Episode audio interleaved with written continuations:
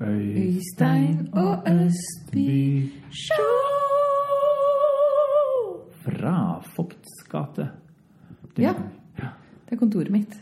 Kontoret Ja. Ja. Inntil vi blir hyret av NRK, så må vi nesten bare sitte her. Eh, eh, sjefen i NRK sa i går at eh, vi skal ikke ha den typen deal som vi har hatt med Sofie Elise noen gang igjen. Å, ok. Surt. Skal vi avslutte hele denne podden, da, Øystein? Det var Øystein og Østby Show! Fuck off! Nei, vi må vel fortsette. nytt? Skal, vi begynne på nytt? Nei, dette er podden. Å ja, ok. Da fortsetter vi, da. Har du en eh, Du har tenkt på døden? Ja, eller jeg vet ikke. Jeg tenkte at um, grunnen til at vi hadde et sånt stort hull i fjor, hvor vi ikke poddet, det var jo døden, da. Det var døden som kom. Ja, døden kom. Så faren min døde.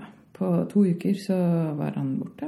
Altså, han ble syk, og så Ja, det var to-tre uker da. Han hadde en underliggende sykdom, og så fikk han eh, covid. Og så ble han eh, Så ble liksom lungene hans ble bare åpna for alt mulig oh. dritt. Så da kom det de der eh, Da kom det mikrober, og da kom det lungebetennelse og alt mulig, og så brøt lungene sammen. Så da døde han, og da var ikke jeg så veldig funksjonell.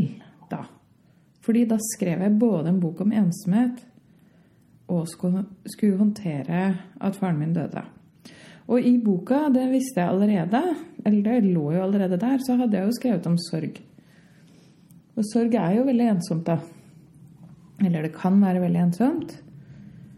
Eh, Folk kan være veldig sånn eh, eh, hyggelige i begynnelsen, eller sånn hjelpsomme og at de skjønner at det er fælt og sånn.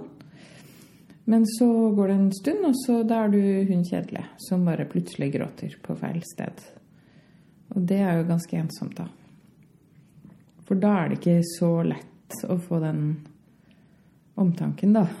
Man trenger kanskje den omtanken mye seinere, liksom. Eller man trenger det rett etterpå, men da er alt veldig kaotisk. Ja, Så jeg har tenkt mye på det. eh, Sorg som et ensomt sted. Og også fordi den som er død, er jo en person som forvalter din historie. Eller den felles historien man har. Så nå er det plutselig bare du som har den, en, den ene siden av den historien. Om dere to. Så da er du helt ensom i den historien om den personen. Tenker jeg.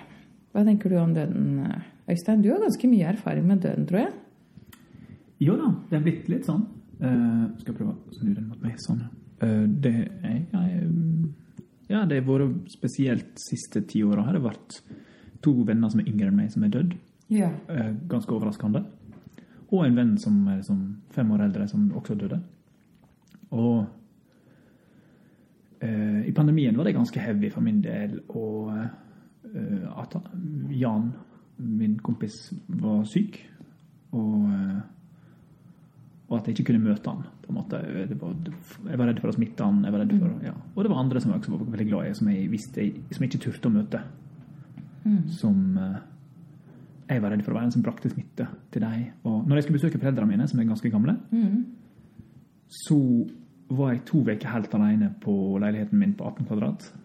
Altså helt alene, for jeg ville være sikker på å ikke møte noen og ikke bringe dem smitte. Og så må jeg jo uansett ta bussen til Ulsteinvik, da, og da vet jeg jo at det er ei smittekilde. Så jeg satt i bussen liksom livredd i en krok og bare unngikk folk eh, så mye som mulig. Alle samtaler var jo en smittekilde, og jeg var redd for å ha samtaler med folk. Og jeg er jo over middels interessert i å ha samtaler med folk.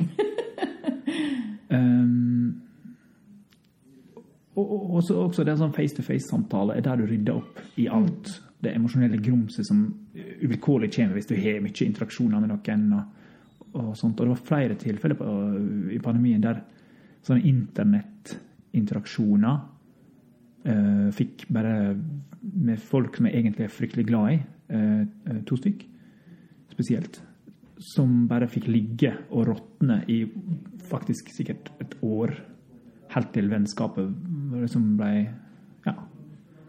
fordi jeg ikke fikk møtt folk, jeg fikk ikke snakka, jeg fikk ikke klemt.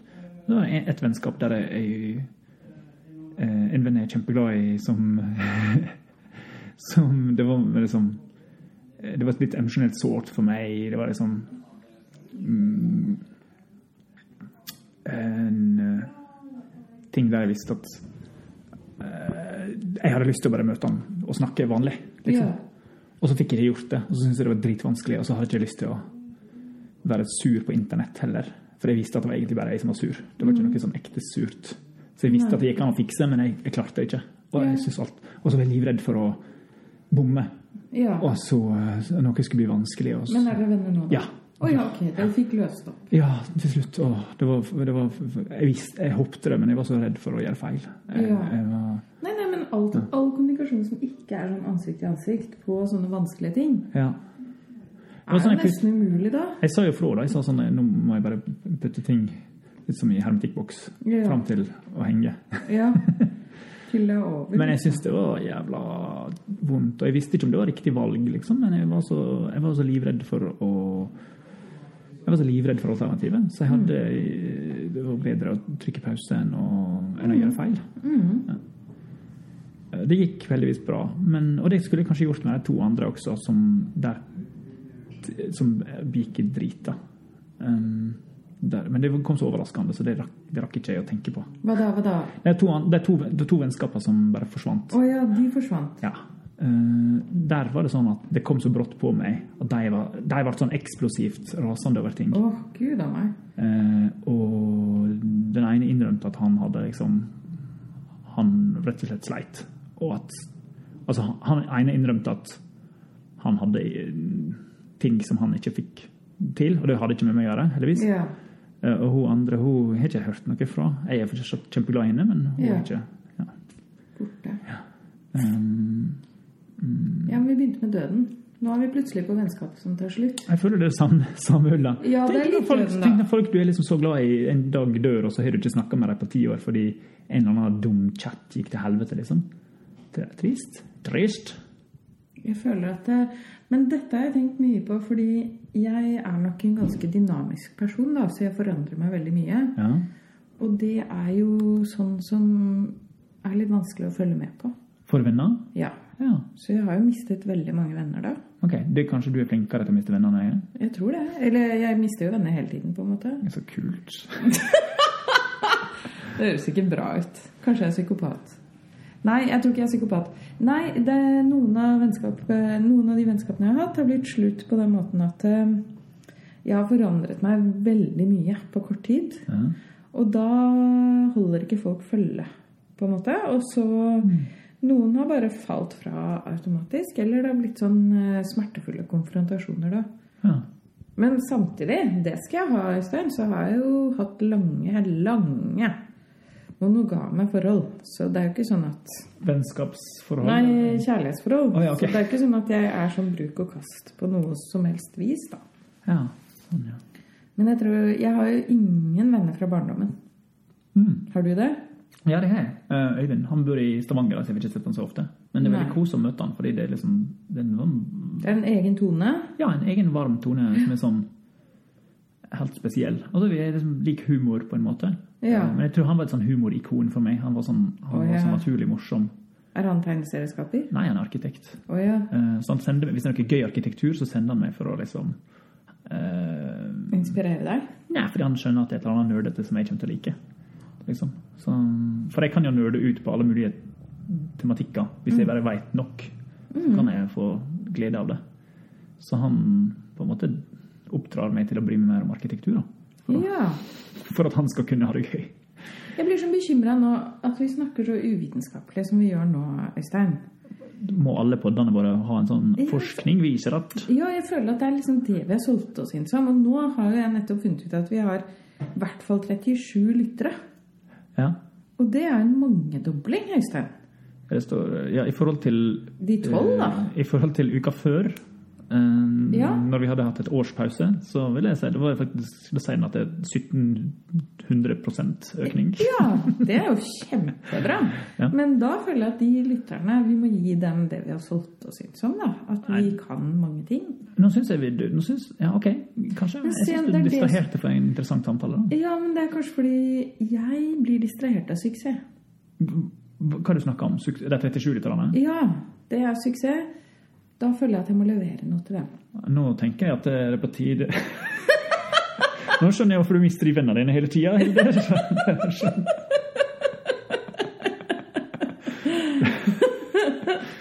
Ok, men la oss snakke om hva suksess gjør med meg. For da blir jeg Da, da klikker det for meg. Okay, ja. Det er nok veldig bra at det ikke går så bra med meg. ja. Ok, skjønner. Ja. Mm.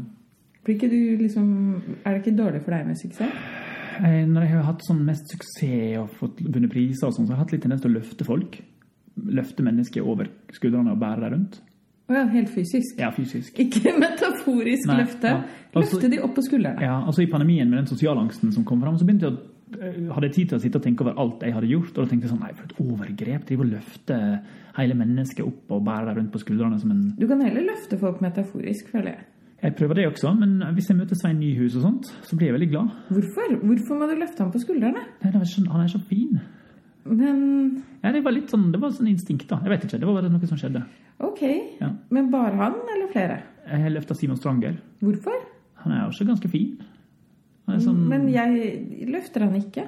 Nei, det hjelper jo å kunne, da. Ja, ja. Ja. Um, men jeg, jeg følte litt sånn Jeg grubla litt over det. Litt for mye over det. Ja, ok. Um, Syns ikke man burde gruble så mye over ting. Man burde Nei. bare leve livet, egentlig. Og løfte i vei. Ja, egentlig, syns jeg det. Men så har jeg hatt tid til å tenke over sånn sosiale overtramp og sånn, og hva tid er det du you know, hva, hva er det som er å gå for langt i forhold til folks intimsone og Mm. sånne ting? Ja, sånn, er det egentlig greit? Um, Kanskje det holder å bare løfte muller. Ja. Men det gikk jo Vi har en hyggelig tone med Svein Nyhus, men jeg er liksom Jeg er så begeistra, da. Så jeg var litt sånn begeistringa liksom trengte den ut. Men opp på skuldrene, da. Det er liksom veldig mye. Ja, det er litt mye. Ja. Jeg tenkte ikke over det. Nei. Nei. Det er som man gjør med barn, liksom. Ja. Men jeg kunne, da. Ja. Jeg tror nok det var sånn, jeg var den minste i klassen veldig mye av livet. Altså Plutselig på et tidspunkt så var det sånn det Veldig mange 80% av voksne menn var på en måte innafor for meg å bare plukke opp og løfte rundt. Og det var en sånn superpower som jeg kanskje misbrukte bitte litt. ja, du gjorde jo det da. Ja. Ja, og det er jo veldig interessant. Ja. Det er jo fordi du kunne. ja, det er fordi jeg kunne. Makt, Og det, makt makt og over, ja, Ja. makt eh, blir til overgrep. Tyngste løfta, er en polsk skredder på 130 kilo. Hvorfor?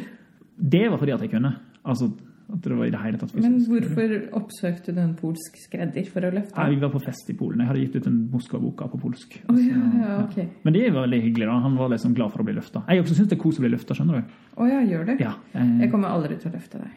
å. Jeg, møtte en fyr i jeg har tre prolapser i ryggen. Jeg gidder jo ikke det. Ja, Men jeg er også litt forsiktig. Jeg prøver jo å sånn sjekke, spørre om det er greit og sånn, da. Ja, sånn ok. at jeg, jeg vet jo folk kan få skade og sånt. Så. Ja, gjelder det. Men jeg grubler masse over det likevel. Ja, den uroer meg. Men jeg savner den gamle Øystein som ikke er så veldig bevisst på hva som skjer. da. Ja. Sånn For min egen del syns jeg det var diggest. Men ja, man må finne en balanse, da. Man kan ikke, jeg tror ikke man egentlig helt kan leve så impulsivt hvis man skal gå og bekymre seg hele tida for absolutt alt. Men man må finne en sånn eh, Man må finne eh, en viss grad av selvbevissthet da, for å kunne oppføre seg. Ja. ja. Jeg vet ikke. Trond Giske er litt for lave grader av selvbevissthet, kanskje? Jeg tror ikke du skal løfte folk. Jeg blir bekymra. Ja. Men du, tilbake til døden. Anna Fiske har kommet med en bok om eh, hvordan snakker man om døden. Jaha. Som jeg ennå ikke har fått lest. Um, for den kom ut uh, i dag. ja.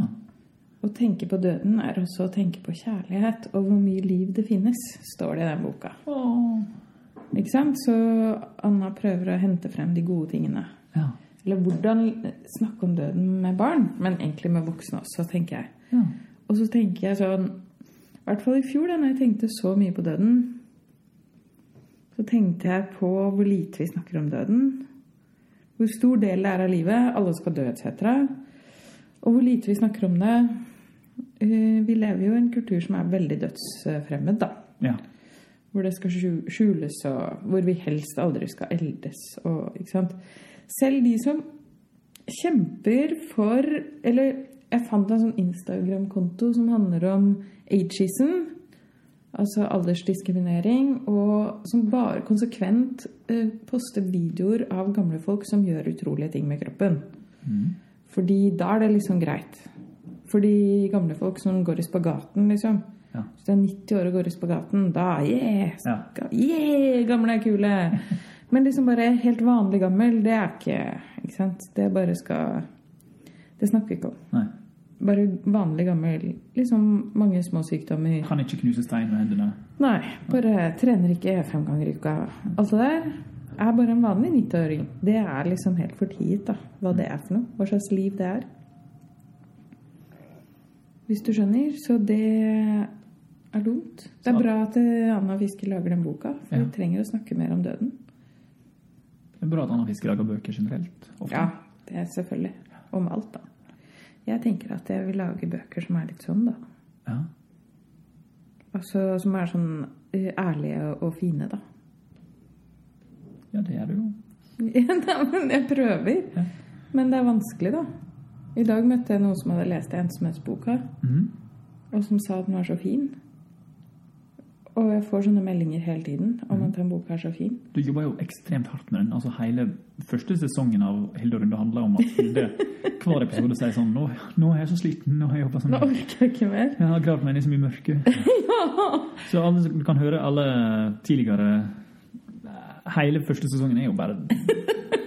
Klaging. Ja, men det er jo også en dokumentasjon av hvor tungt det var for deg, og hvor lite sikker du var på at det skulle få til det du prøvde. Men du var veldig sikker på hva du ville, og det fikk Ja. du til. Ja, jeg fikk det til. Men jeg syns eh, jeg, eh, Da jeg snakket med hun i dag, så begynte jeg å gråte. Ja. Fordi jeg føler jo selv at det kosta meg mye mer enn det jeg kan rettferdiggjøre. For, for, For meg selv familien din og sånt, eller? Ja, at det bare var holdt på å knuse meg å skrive den boka. Jeg kom på at den boka er et plaster og et sår samtidig. Ah. At det var veldig vondt å lese den, og samtidig en trøst. Og det var veldig vondt å lage den, og samtidig en trøst. Ja. Men eh, jeg Nei, jeg bare Jeg vet ikke, Øystein. Jeg må bare si jeg er sånn bitter. Jeg har vært sånn bitter fra den boka kom ut. Enda det er mange som har sagt at de liker boka. ja. Så er jeg sånn bitter for at den ikke er nominert til en pris.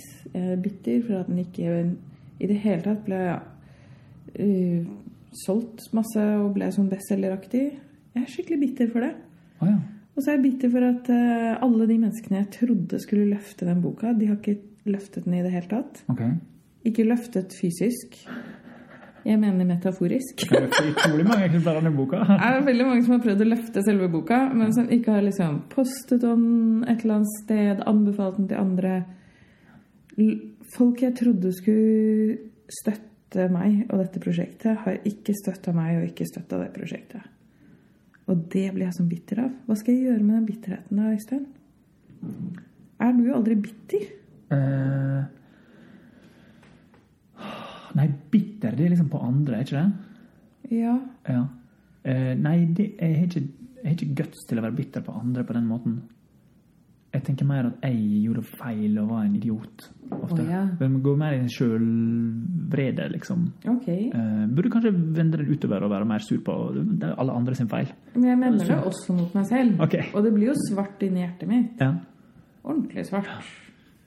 Men du, hvorfor tenkte du liksom, Hvorfor hadde du sånn skam etter den forrige episoden vi slapp nå? Litt fordi at eh, eh, Jeg syns det var vanskelig å snakke om voldtekt. Ja. Jeg veit ikke så mye om det.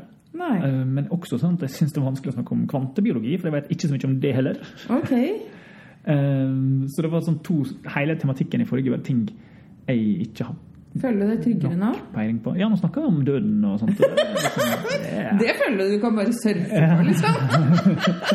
Døden som er et mysterium for alle. Døden og Ja. Eh, Døden og miste venner. Da, Ja. da er du i ditt ess. til, til døden eller til, egne, til min egen personlighet.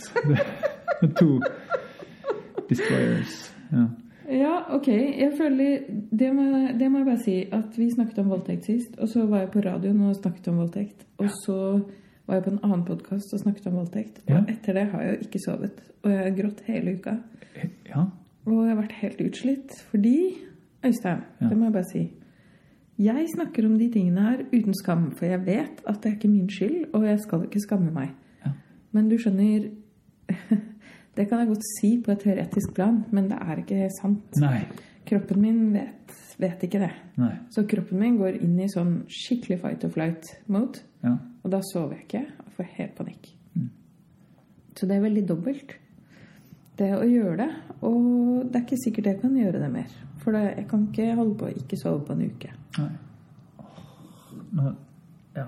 Hva da? Nei, en overgang eh, Var det en dårlig overgang? Nei, nei, nei. Jeg, tenk, jeg tenkte på Sumaya Ali. Ja. Og henne, altså hvor tungt hun har hatt det etter vet. hun åpna opp om overtrampet, overgrepet, liksom. Ja. Utskjellinga. Så, eh, Den spøkefulle rasismen. Ja. Sånn som Liksom-rasismen, som ikke er liksom-rasisme, da. Ja, eh, og, og hvordan hun har bare blitt helt vekk fra Ja. hele, hele samfunnsdebatten fullstendig. Altså sånn øh, Norge har gått glipp av Sumaya. Jeg veit det. Eh, Det gjør meg rasende. og så tenker jeg på Jeg har jo tegneseriekurs på Serieteket hver torsdag. Ja.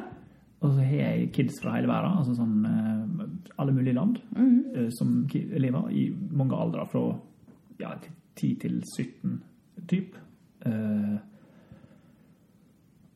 og ja, det, det er liksom øst, østkanten og det, det er bare, Men det, det, det, av en eller annen grunn som jeg er litt usikker på, så er det alle mulige nasjoner Mm. innblanda. Og mm, tanken på at at noen av de ikke skulle føle seg velkomne noen som helst plass da i Oslo, er ganske sånn eh, Det er helt umulig å se for seg. Og likevel, Øystein, 37% av norske ungdommer opplever rasisme ja, basert på hudfarge eller religiøs tilknytning, og det betyr at nesten alle opplever det, da. ja. Mm. Og det må vi bare ta inn over oss. Og det er sånn hele, hele tiden små stikk som forteller dem som opplever det, at de ikke hører til, og at du ikke fortjener å være her. Og det er så jævlig å tenke på, og vi må eh, bare slåss mot det, da. Ja. For min del handler det jo bare om å spre kunnskap, da. ja og, og Og for, å fremstille rasisme som det absurde og voldelige det er. For det mener jeg er vold. Du, du påfører andre kroppslige skader, rett og slett. Det Ja. viser jo forskninga. Det bryter ned kroppen innenfra. Det er virkelig en ordentlig skade. Så det kan vi ikke gjøre. Nei. Um, men eh, ja. Jeg vet ikke hvordan overgangen var fra voldtektssamtalen til dette, men Nei, men at jeg ikke sov og sånn, Ja. altså, det er jo ingenting i forhold til hva Sumaya har vært gjennom med det som, etter det som har skjedd. ja. Altså, jeg tenker at eh, folk, som, folk kan se så sterke ut. Eller sånn Sumaya også fremstår jo Har jo ofte fremstått veldig sterk. Eller tydelig, da. Ja, det var, var det du som skrev den der med at det at vi liker å tenke oss at hun er veldig sterk? Er sånn, Nei, det er Guro Sibeko som Ja. skrev det. At hvis vi kaller henne en helt, så tar vi bort det der at det koster henne noe hele tiden. Og det koster oss alle å ta de kampene. Ja. Så det er ikke noe sånn Ikke lag den figuren til en helt. Nei, Den, en annen type enn meg selv. en annen type menneske. Ja, det er ikke sånn. Um, ikke sant? Den, den personen kan også være ekstremt sårbar, da. Ja. Man er nødt. Man er putta i en situasjon der man er nødt til å plutselig kjempe en kamp som mm. man ikke vil. Ja. Um, og, og veldig ofte så er kamper nettopp, nettopp det. Mm. At man bare er der. Ja. Jeg tenker at eh, uten sammenligning for øvrig, men de tingene jeg har lest om vold og overgrep og rasisme og alt, har tvunget meg til å snakke. Jeg, jeg klarer ikke å ikke si fra. Det har jo vært en sånn fedmedebatt nå nettopp i forbindelse med verdens fedmedag, som er en utrolig lite hyggelig dag. Ja. Som ofte handler om å snakke om at det er veldig viktig å spise sunt, og det er altfor mange tjukke folk i samfunnet. Og dette er en ting som gjør meg så forbanna at jeg må si fra. Og, og jeg får så mye tyn hver gang jeg sier fra. Men jeg klarer ikke å la være, skjønner du. Det, jeg, det, jeg kan ikke ikke si fra når jeg vet alle de tingene jeg vet om hva fettskam og fettfobi gjør med folk. Hva det gjør med folk å bli slanka fra de er bitte små. De fleste som lider av alvorlig overspisingslidelse og sant, alvorlig overvekt, har blitt slanka fra de var bitte, bitte små. Okay. Ja, fordi slanking er en driver inn i mer overspising og mer vektøking. Så i, med en gang man begynner å snakke om tjukke folk som et problem, selv om sant, eh, helsemyndigheter, eh, folk på toppen i helsemyndighetene myndighetene sier ja, vi er ikke for slanking, men vet, det er jo så mange tjukke barn nå, så vi må jo virkelig passe på nå, liksom. Og nå må de spise sunt, disse barna. Det er viktig. Og så er det jo Det en del foreldre hører da, er bare vi må slanke de barna. Eh, og nå har jeg litt sånn fun facts. Nå kan vi komme litt litt Nå forskning. kom at- forskningen viser at ja. Forskning viser at 85% av norske ungdommer sover for lite. Og vet du hva, Øystein? Eh, søvnmangel er en sterk driver inn i økt appetitt og vektøkning. ja. Så la oss slutte å snakke om hva som er sunn mat og ikke sunn mat. Det er bare tull. Det er feil fokus. For det første, få de ungene til å sove nok, da. Så Ja. tror jeg kanskje vi har løst heller liksom, veldig mye av eh, det med overvekt for barn. Men uansett, hvorfor skal vi snakke om tjukke barn som et problem i det hele tatt? Kan vi kanskje bare akseptere at de er tjukke? Bare la folk være tjukke. Bare, kan vi leve med det? Kan vi bare ikke gjøre folk til et problem? Fordi det er noen som er helt besatt av at tjukke folk er et stor, en stor utgift. ja, det er en eh, sånn internettone. Sånn der, eh, Stor utgift på helsebudsjettet vårt. Skal vi snakke om folk sånn? Hva med alle de som får kreft, da? De er jo skikkelig utgift på budsjettet vårt. Du kan ikke Kanskje de har spist noe feil, gjort noe feil, har de trent nok, har de spist nok brokkoli? Altså Hvis vi snakker sånn om folk, det er så forferdelig måte å snakke om folk på. Ikke sant? Hvis man begynner å kalkulere hvem som er mest utgift, så, så har man jo eh, Det er jo kun de folka som, som får et sånn klint jobber, jobber, jobber, som får et klint hjerteattakk, som er verdt noe her i verden. Det er, Å, det er supert. alle som blir sånn gamle. Ja. Sånne magre joggere som blir 90-100 år gamle, det må jo være kjempedyrt. Det er jo liksom Og selvfølgelig alle med kroniske sykdommer. Og her kommer den der helserapporten om kvinnehelse inn. da. Kvinnehelseutvalget viser jo det. At kvin typiske kvinnesykdommer som er sånn kroniske sykdommer, det ligger jo nederst på, i hierarkiet. da. I alle henseender. Fordi Ja. eh, det beste er det der hjerteattakket, da. Det er, liksom det, Ja. det er den billigste sykdommen for staten. Det er supert, da. Og du, et sykehus vil jo helst ha det der hjerteattakket, fordi det gir mest penger inn i kassa. Ja, men du, ja, du, Hvis du går og reparerer eller bytter ut hjerte og sånt, da? Er det det du tenker på? Nei, bare reparere sånn Rykke inn i det. Ok, ja, Hva gjør man da? Ta ut noe, spytte en stent og en andre? Ja, sikkert noe sånt. Du må ikke spørre meg. Aldri bli operert av meg. Jeg vet en del medisinsk statistikk, Øystein, men jeg kan ikke operere. Okay. Så ikke gjør det. Ikke spør meg om det. Men jeg hadde jo sikkert gjort det hvis du hadde insistert, da. ok, det er godt å vite. Da er Udøy. Hvis det hadde vært krise, da. kan vi ta en digresjon her? En Ja. Gøy ting? Har du lest Aldous Huxley, 'Brave New World'? Ja, selvfølgelig. Den er jo bygget på The Tempest. The Tempest, ja, til Shakespeare? Ja. Oh, ja. Som jeg tok hovedoppgave på. Å la la, ja. Ja. For der lever vel alle til de blir 60 år, og så blir de avliva. Det er perfekt, da. Ja. Det er det vi vil. Eller sånn Japan, det derre stupet. Man dytter Ja, det var en japansk forsker som sa sånn Kan ikke dere gamle begynne å ta livet av dere? For Ja. Japan holdt på å gå i kuken. Ja, det er praktisk. Men eh, ja, men nå var, du, nå var du veldig ukritisk her. Nå var du sånn Jeg er ironisk! Kjerkol som sier 'planlegg for din egen alderdom'. Ja, det var PS samle opp nok piller til at du bare får gjort det over og ut, liksom. Ja, nå var det jo ingen som trykker på Det var i hvert fall mange som tolket det sånn. Eh, ja, Xi Xinyu, den kinesiske eh, forfatteren, sci-fi, sci-fi bak eh, Three Body Problem, min favoritt-sci-fi-bok. okay, ja. Han har en novelle om eh, et kjempestort romskip som lander på jorda, og så kommer det ut noen dragelignende romvesen Ja. eh, som sier sånn eh, vi, har en, vi har en deal til dere. Um, dere skal få bo i romskipet vårt og leve i luksus fram til dere blir 60, og så spiser vi dere. Oi, samme der, da. 60, liksom. Ja, jeg tror det var 60. Ja. Oh, ja, ok. Jeg har bare Um, 13 år igjen, da. Ja, og så eh, Dette viser seg at etter hvert veldig gøyal plott liksom, nugget, det er at det er faktisk dinosaurene som stakk av fra, fra jorda for 65 millioner år siden. Så har de tatt en runde rundt Melkeveien, og nå er de tilbake. Oh. Veldig gøy. Uviktig, men veldig gøy. Men, men de blir da Nå bare spoiler jeg alt. De, de, de, Du kan ikke spoile kinesisk litteratur her på vår pod.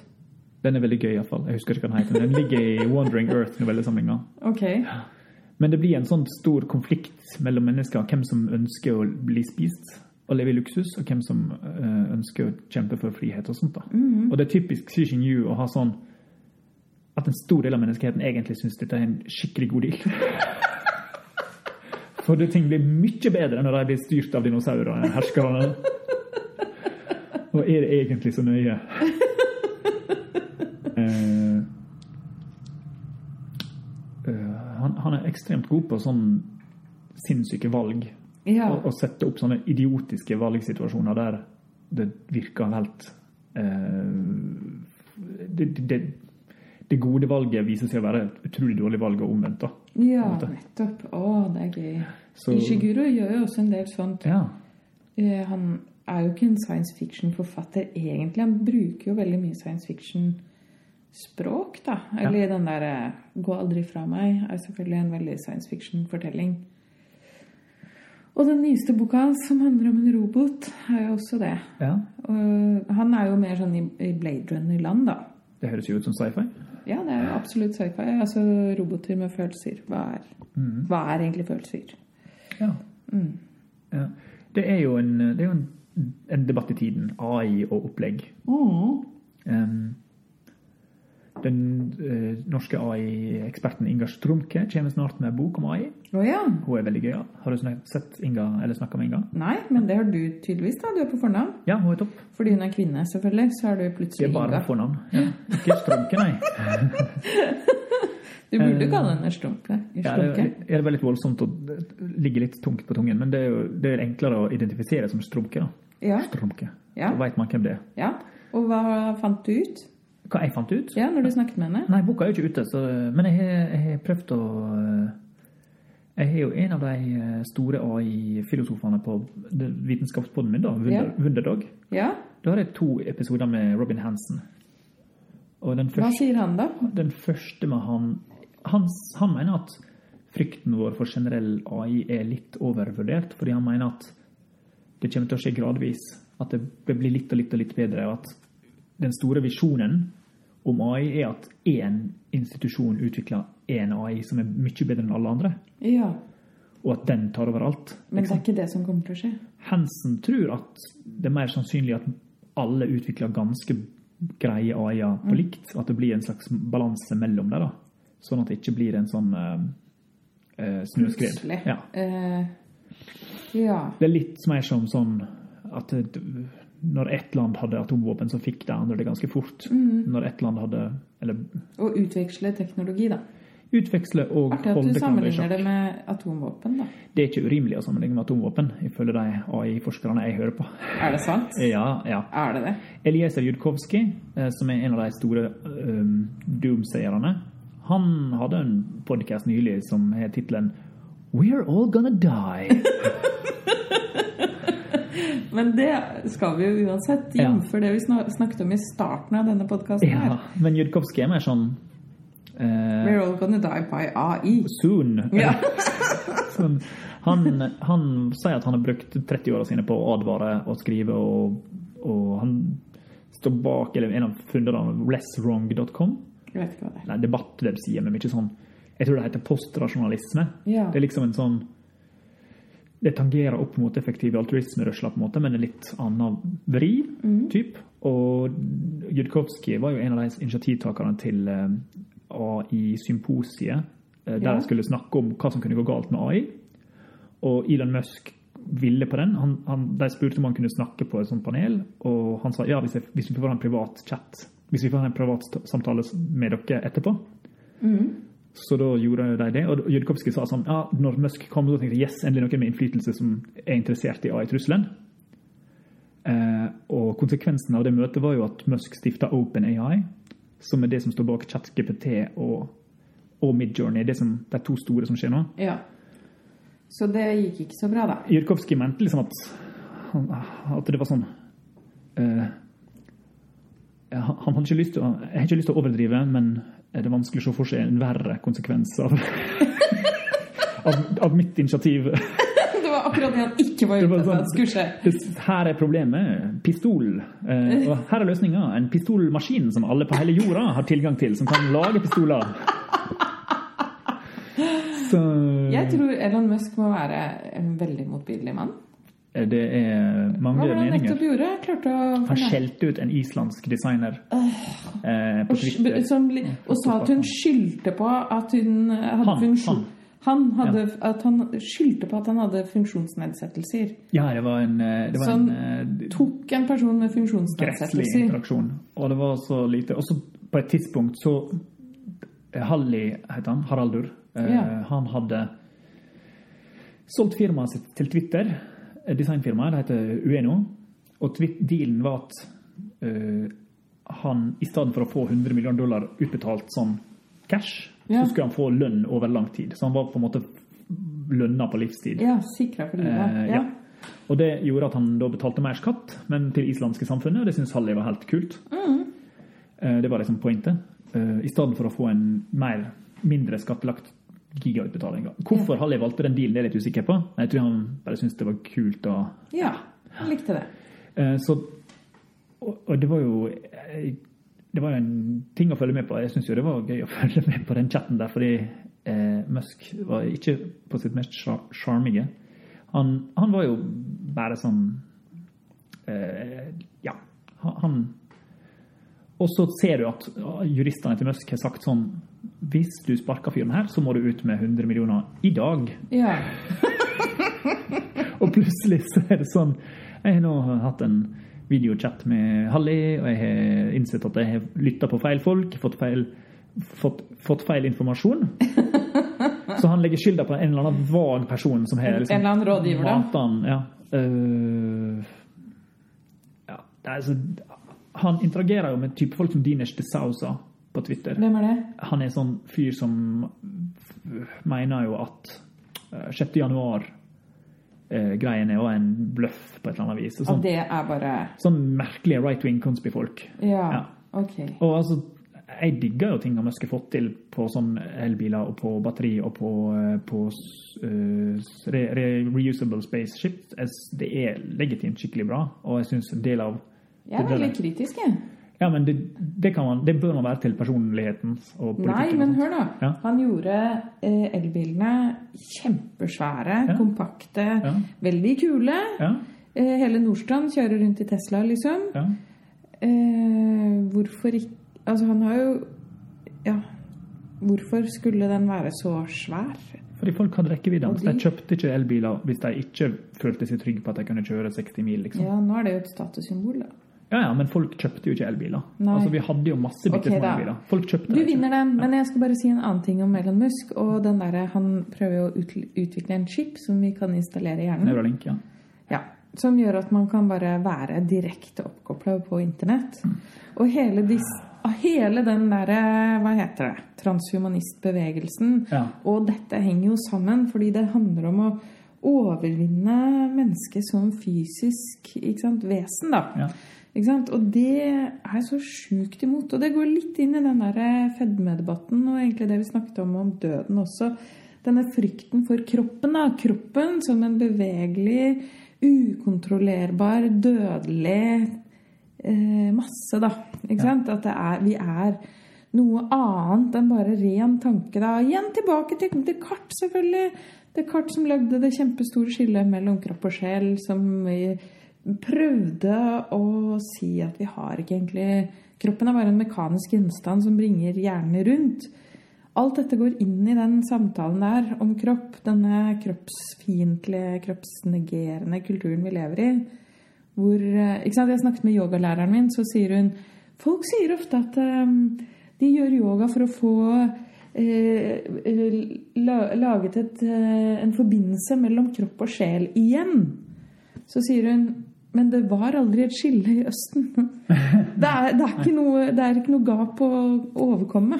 Ja, det var Descartes som delte. Det var Platon også. Platon delte jo. Jævlig, altså. Men, eh, men i hvert fall Descartes. da. Descartes har vært helt utrolig viktig for vårt forhold til kropp, og vår utrolig fremmedgjorthet i forhold til kropp.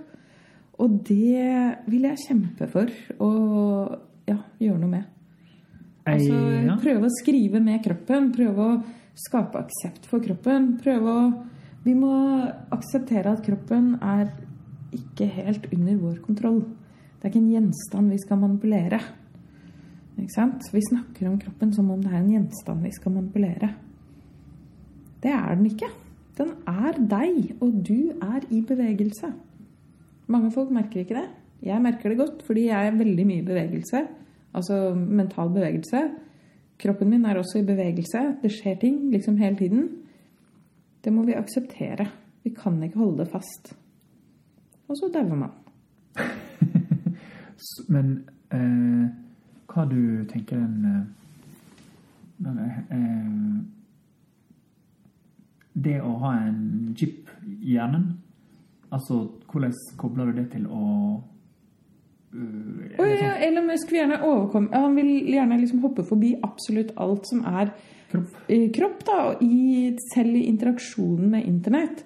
Du skal ikke engang nå bruke fingrene til å gå på et tastatur. Du bare går rett fra hjernen inn på internett. I hans visjon, da. Ja. Ikke sant? Så da er vi Men- helt forbi kroppen. Men akkurat i det, på det nåværende tidspunkt så er jo eh, Neuralink på en måte noe som folk som sitter i rullestol og ikke he, kan bruke fingrene, kan glede seg veldig til. da. Jeg følger jo han Ja, eks-normalfighteren Geir Kåre Nyland. Han, er jo, han legger jo veldig mye håp i Neuralink-prosjektet. Jeg skjønner det. Men eh, ja, ok, greit. Men det er litt som Jeg er fryktelig mot at eh, våre barn skal være hekta på eh, nettbrett og smarttelefoner. Der er jeg også veldig redd for Neuralink, fordi jeg vil ikke ha mobilen min kobla til skallen hele Nei, tida. det er noen som tjener penger på dette, Øystein. Ja, ja, ja. Og det er i hvert fall ikke oss. Så jeg er bekymra for altså Det ene er jo at barna våre allerede er veldig hekta på disse tingene. Ja, ja. Og så kommer folk og sier 'Hvorfor er du så skeptisk til nettbrett i skolen?' Det er jo kjempebra for barn med dysleksi. Så du kan snakke om permalink og folk som eh, sitter, er lam fra halsen og ned. Og jeg kan være enig i at det kanskje er bra da, men hvorfor skal vi alle vi andre ha det? Der! Det er jeg helt enig i. Eh, Vi må snakke, rydde opp i debatten, da. jeg er veldig skeptisk til generell uh, Boka til Bjørn Gabrielsen, 'Skjermslaver', Ja, den er kjempebra. handler om eh, dette. Ja, Um, jeg møtte Bjørn på til jula. ja. Allerede møtt han før. Jeg er sånn fan av hans skriving opp igjennom. Og lille gutten hans på åtte, Ja. han uh, fikk lese tegneserien min på iPad, og han leste seg gjennom sånn 100 sider i sånn, med så enormt fokus. Altså Han hadde så evne til fokus. Jeg ble helt sånn superglad. ja. Fordi eh, det har med, med, fokus å gjøre. Vi Ja. tar fra barna evnen til å øve opp lesing. Tenk på meg når jeg var på min datters alder, da. Ja. Datteren min leser jo ganske mye. Men da jeg var like gammel som henne, så leste jeg hele, hele Den uendelige historie. Ja. På 360 sider på én dag, altså. Åh, jeg var helt gæren etter underlig historie. Jeg tenkte litt om Mikael Ende det siste. Åh, jeg elsker den boka så mye. Ja. Alle må lese den. Det er jo grunnen til at jeg skrev leksikon om lengsel. Den boka har jeg lest fire-fem ganger, tror jeg. Vent litt, hva da? Hva er endelig historie med leksikon? Ja, det handler om en bok, en magisk bok. Ja. Og så er jo hele boka organisert etter alfabetet. Hvert kapittel åpner med A, B, C. Jeg tenkte på Jan Wiese, kvinnen som kledde seg naken for sin elskere, når jeg Å, leste ja, ja. leksikon om lengsel. Ja, den er også viktig for meg, da. Ja, ok. Det, jeg elsker den boka. Men akkurat den organiseringen av Jeg syns det var så genialt, en vennlig historie, at den var sånn. Ja, Eh, sånn. Og at den handlet om en magisk bok og å forsvinne inn i bok. Og, og, og det at den er alfabetisk ordnet, var så fantastisk. Men jeg også savna den jeg var når jeg liksom ikke hadde den her kontakten med alt og alle hele tida. Men jeg, yeah. jeg syns jo det er det som internettgreiene gir meg, det er jo at jeg har eh, så mange folk som jeg har tilgang på hele tida. Altså jeg er ikke den ensomme gutten jeg var når jeg var den bok på jokken, da. Nå har jeg mye mer venner som jeg er veldig glad i, og som jeg ikke har lyst til å miste kontakten med. liksom. ja, det er sant. Det er masse bra med internett. Ja. Jeg er ikke mot internett. Nei, jeg synes det er litt uh, men, men vi må snakke om uh, mye mer om ulempene. Ja. Og det er ikke fordi jeg er konservativ. Jeg Nei, nei, nei. Jeg er også en stor internettfan. Jeg bare vil ha litt av den personligheten min tilbake. Ja, Så jeg tror løsninga må være å ha en slags timeshare. At noen timer på døgnet, da er jeg skikkelig online. Nå, Ja. er, nå, er det, nå er det chatting med vennene. Nå er det Messenger med Hilde. Mm. Nå er det chatte med Erik. Nå er det liksom Ja. Å hold Og så. Og så ellers- legger den ja. vekk, kanskje. Fordi det blør inn i alle døgnets timer. Det blør inn i alle døgnets timer, og det er det som skremmer meg med den Til og med søvn. Ja. Til og med søvn allerede nå, før det er operert inn i hodet, Ja. så er det jo sånn at folk sjekker mobilen midt på natta. Når de ligger og akkurat har våknet midt på natta og har litt søvnproblemer, så sitter du så løfter du opp den skjermen, bestråler øynene dine og får enda større søvnproblemer. Men det slipper du med Neuralink-kilde. Da kan du bare skanne, sende litt tanker inn i hodet, så sier du Nei, sånn da kommer du jo fort ut av søvnmønsteret, da. Du Nei, kommer du bare setter på søvnmønster-appen. Altså bare mm. tenk søvn i tanker. Det er greit, Hilde. Nå skal det tenkes søvn. Nei, altså, det er så uforutsigbart for meg at, at det er vanskelig for meg å eh, Jeg vil at teknologien skal finnes eh, for de som trenger den. Folk med f.eks. Parkinsons de Mm. Ja. gjør jo allerede den typen ting, da, men Ja. veldig primitivt. Ja. Det er ikke Neuralink som er det beste firmaet på eh, brain computer interface for øvrig. ja, ok. Det er et australsk selskap, tror jeg, Ja. eh, som heter Synkron. Å ja, du Eh, vet sånne ting, du. Ja. Eh, jeg har hatt, eh, I podkasten min Wunderdog har jeg hatt Anders Sandeberg på besøk. Han er oh, ja. en av verdens største autoriteter på dette. Men, men Anders hadde vært og besøkt liksom, den typen miljø, Ja. brain computer interface-miljøer, og han, han hadde oppdaga at han var så utgått på dato at han nekta å snakke om det. Så han snakka ikke et ord om det han er ekspert på. Oi, yes. Så jeg bør egentlig spørre om jeg får lov å ha en gjest igjen, fordi jeg har ikke den Men, men eh, Robin Hansen mener at da eh, For å snakke om den første episoden Han mener at i stedet for eh, AI, som er den store revolusjonen, så er det nettopp det med mennesker som klarer å uploade hele seg til en computer, som blir den store overgangen. Ja. Mind uploads. ja, det gjør meg kvalm å tenke på. Ja, det er helt vilt. Og jeg tror jo ikke Og da snakker vi som om mind ikke er kropp. Ja. Og da er, vi for, da er vi helt inne i det kart, da. For det betyr Fordi min sjel er kroppen min, og farget av kroppen min. Hjernen min har eh, tentakler ut i hele kroppen min. Det er, det er en samhandling mellom kropp og sjel, da. Ja, og så, så Hansens bok 'Age of M' den sier sånn OK, dette er veldig sprøtt, men hvis det er en prosentsjanse for at det er mulig, hva blir konsekvensene? Ja. Det er jo det som er eh, plottet i Ole Beck sin eh, bok 'Mulighetene for en øy'. Å, den liker jeg veldig godt. Jeg likte den også veldig godt. Nå kjenner jeg at jeg liker jo Ole Beck mindre og mindre, da. Som person. Mindre. Men det driter jeg hvor godt likte du Ole Beck som person før? eh, ikke spesielt godt. Er det noen, er det noen som helst som har lest noe som helst Ole Beck-bok og tenkt sånn ja, jeg syns jeg middels bok, men jeg tror jeg liker den personen. Men nå er han over i direkte motbydelig, da. Litt som å høre på Bursum og tenke sånn eh, Middels musikk, men det er ikke en bra fyr som står bak. Nei, jeg har alltid tenkt at Ole Bekk er min litt sånn trøblete venn som sitter innerst i et hjørne på en fest og røyker og lager kvalm. Ok, men nå er han ikke det engang. Nei, nå er han ikke det engang. Nå står han utafor og Å skrike. skriker og ja, spyr. Mm. Um, Og er sånn, lager kvalme. ja. Ja, nei, uh, boka Age of M er kjempegøy. Ja. Han, han eh, Age of M? ja, M for emulation.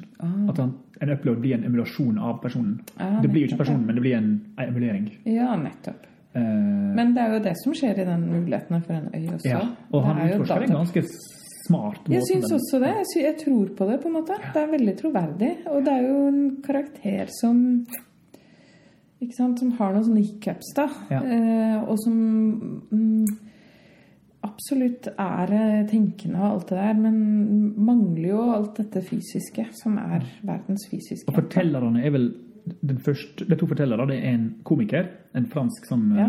eh, avantgarde eh, Hva skal vi si Sånn edgy, edgelord-komiker. Ja. Litt sånn ultramørk Kristoffer Schau-type som Mm. Jeg tror han har en film der han skyter babyer i hodet og sånt. Ja, Det er noe greier. sant? Og så er det hans 27. klone langt inn i framtida Ja. som driver og prøver å ta inn infoen fra de 26 foregående for å liksom leve evig. Men det er jo bullshit. Det er jo ikke egentlig evig. Det går ikke. Nei. Og det blir veldig tydelig der. Ja. På en veldig sånn Og den komikeren er jo også en veldig kjødelig person. Han er veldig opptatt av å ligge med veldig unge jenter. Ja. Som jo er relativt problematisk. Det lykkeligste øyeblikket av hans liv er når han liksom får pule en veldig, veldig ung jente som egentlig ikke vil ha han noe særlig. Eh, og han samtidig som han liksom kommer inn i henne, så er han klar over sin egen motbydelige alder i forhold til henne. Altså Det er noe sånn veldig twistet da i den Det er noe forvridd i den relasjonen som er veldig knytta til ja, kropp, kropp og sex, da, som er det motsatte av det du får med den derre klonen, da. ja. 26. klonen. Ja, for den, eh, den, eh, er jo, den er jo et sånn eh, transcendent frakobla fra Nei, det, er, det er min favorittbok av han. Ja, absolutt. Veldig, veldig god, altså. Jeg, jeg, falt, Oversatt av Thomas Lundbo, tror jeg. oversatt Ja. Veldig fint. jeg falt litt av etter hvert. Det ble mye sånn islam, islam mystiske antydninger til islamofobi på en måte. Ja, og så kommer du jo for full blomst i den der eh, Underkastelse, Ja. som er en drittbok, må jeg si. Ok, du har lest den? Ja, den er skikkelig dårlig. Det er jo ikke noe tvetydighet igjen. Å ja, ok. Jeg trodde kanskje den var litt sånn tvetydig. Nei, det trodde jeg òg. Det er skikkelig dårlig. Islam er dårlig, liksom. Punktum finale. og det viser seg jo at det syns han jo også. Ja. Og jeg tenker jo at det viser jo hvor mye skjønnlitteratur må beholde, liksom forholde seg til en sånn tvetydighet, da. At Ja, selv når liksom- man strengt tatt altså sånn De fleste iranere jeg kjenner er ganske enig i at islam er rimelig dårlig. Ja, ja. Så, um, Men at eh, men det er litterært, så er det ikke så gøy. litterært er det ikke så gøy. Da kan du heller skrive sakprosa, da. Og liksom utforske det ordentlig. Og, å og ja. muligheten av en gøy er jo gøy fordi man, man Man får ikke noe svar på om den udødelighetsteknologien er bra eller dårlig. Den bare er. Den bare yeah. er der, og den yeah. er en del av livet. Og, og sånn kommer det til å være. Disse tingene kommer til å skje, og de kommer til å være en del av livet. Uh, tenk for 50 år siden eh, ideen om at ungen din skal ha en computer med tilgang på hele planeten i lomma. Ja, det er klin kokos både nå og da, tenker jeg. Jeg ville jo ikke det for mitt barn. da. Jeg kommer til å være hun kjempesure som ikke Vi lurer på om du syns det er greit at 13-åringen din har tilgang på all porno som er lagd i menneskehetens historie. Alltid. Er Svar det ja eller nei. Svar nå. Svar nå. Det skal, vi driver og lager en maskin her oppe på apple.com som kan gjøre det. Den er en sånn liten boks, en liten, liten eske med en milliard pornoblader i. Kan du Er du positiv eller negativ? Sønnen din er vel eh, interessert i det, forstår jeg. Men er du? Ja. Um, Å ja. Tenk på det. De er ikke 13 år heller, vet du. De debuterer når de er 8. eh, med å titte på? Med å se hardporno på ja. Ja, på Ja. Datteren min er jo litt seint ute, egentlig. Eh, Hun er 8 og et halvt. jeg- Har du spurt om Eller hva du har Jeg tenkte vi kunne se på det sammen, jeg, bare for å du, syns- du tenker det? Nei.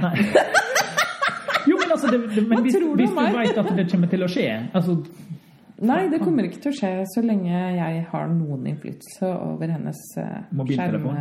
Hun har ikke noen mobiltelefon, selvfølgelig. Hvor mange av kidsa på hennes alder har mobiltelefon? Det er noen. Ja. Det er faktisk det. Så jeg må snakke med henne om det. Det må jeg. Ok- For hun kan komme til å se ting. Ja. Uh... Ikke på en telefon hun får av meg, men av at hun ser hos andre.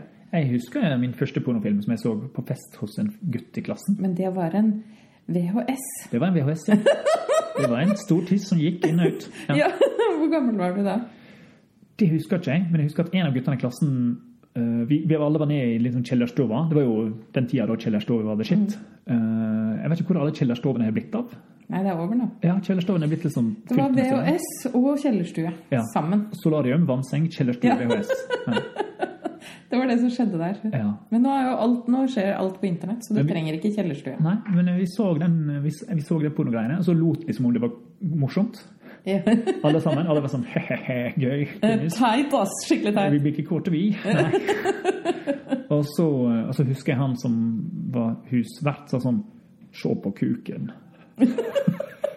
Som er en kul ting å si, for så vidt. Når man først Hvis man først ser på porno. Så er det sånn, så tenker jeg at det er den, den kuleste setninga.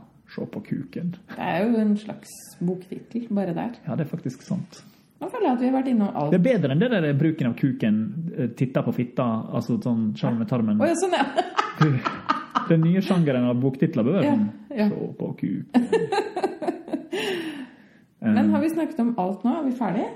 Vi har ikke snakka om alt, men vi, kan, vi har jo en episode til vi kan lage. Ja, det er sant. Men nå har vi snakket en time, og vi har jo snakket om døden. Ja. Vi har snakket om kroppen, og kropp har med død å gjøre. Johan Hari, han som skrev eh, den boka om narkotika, Ja, han er også ute med bok om internettavhengighet nå. jeg vet det. Ja. Den heter 'Stjålet fokus'. ja. Mm. En veldig tydelig tittel. Ja, men det ligger veldig der i, allerede i min kreativitetsbok. Du har fått en app som heter Freedom på mobilen din. Ja, men det ligger allerede Det var det jeg skulle si. Ja. Jeg har jo skrevet, altså I kreativitetsboka så blir det jo veldig tydelig det. At hva skjer hvis vi blafrer gjennom hele tiden? Det tar selvfølgelig eh, fokuset vårt. Ja. Eh, det skaper en slags sånn kollektiv ADHD, hvor du ikke tåler å bli lenge i ting. ikke sant? Jeg reiser rundt på skole og holder foredrag. Og lærerne sier at de har sett en radikal nedgang i oppmerksomhet de siste ti årene. Altså at de ser det på elevene. Ja. Ja, jeg satte en, en greie som heter Freedom på datamaskinen min, og på veldig kort tid så klarte jeg å produsere to sider eh, tekst. Nemlig. Fordi plutselig var jeg ikke distrahert. Ikke engang tanken. Jeg kunne ikke engang tenke tanken å gå inn på internett. Og da bare Men du skrev teksten på en computer. Ja, men den er sperra for internett nå. Er det med Freedom, det også? Ja, med? Freedom. Ja, alt. Og du har gitt passordet til noen andre, så ikke du kan åpne det sjøl? Å ja, men jeg syns den var så vanskelig å bruke, den Freedom, så jeg vet ikke hva jeg skal Oh, gjøre ja, for for jeg, jeg, mitt problem var at jeg, eh, jeg forsto hvordan det funka, og så sneik jeg meg forbi det med en gang. Sånn Å, ja, men okay. jeg kjøpte en K-Safe på eh, nett. K-Safe. Tidligere Kitchen Safe. Mm. Ja. Fordi det skulle vært til å putte cookies i for folk som syntes cookies var litt vanskelig. Ja. Eh, Så jeg putta, Men så skjønte de hvem som egentlig hadde bruk for den, og så kalte de den K-Safe i stedet. Og så har jeg kjøpt en sånn, og så putta jeg mobilen og wifi-boksen oppi den. Så ikke jeg skal, og så setter jeg på en timer med fem timer, eller noe sånt, og så Ja, er det ingenting. Og da kan du ikke åpne den på noen måte. Den er fanget her i fem Du kan sage opp boksen med en sag. Ja, og det går litt på verdigheten løs. Så det gjør du ikke. Da blir du litt som, Har du sett videoen av når David Hasselhoff sleit med alkoholisme? Nei. Han fikk, han fikk dattera si til å filme seg Ja. I fylla og la ut på nett. Hun la ut på nett må jeg hans velsignelse, sånn at han skulle kjenne på ydmykelsen over egen alkoholisme. ja. Uh, som er ganske Så fint. Så, fint gjort, ja, Hasselhoff. så, da jeg ja. Det er all Han, ære. han skjønte at det var liksom, han ville heller ydmykes enn å dø. Så, Ja. Og det ser man på videoen. Han kravler på gulvet og vil ha en cheeseburger. Liksom, Ja. Som jeg, jeg tror den ligger foran ham på gulvet eller et eller annet. sånt stusslig. Og det håper jeg, det valget håper jeg redder livet til David. da. Ja, og kanskje til noen andre òg, egentlig. Når man ser det, da. Alkohol, død. Hva skal vi kalle episoden? Mm. Død og internett. Kanskje? Skal vi tenke på det? Ha det bra. Ha det!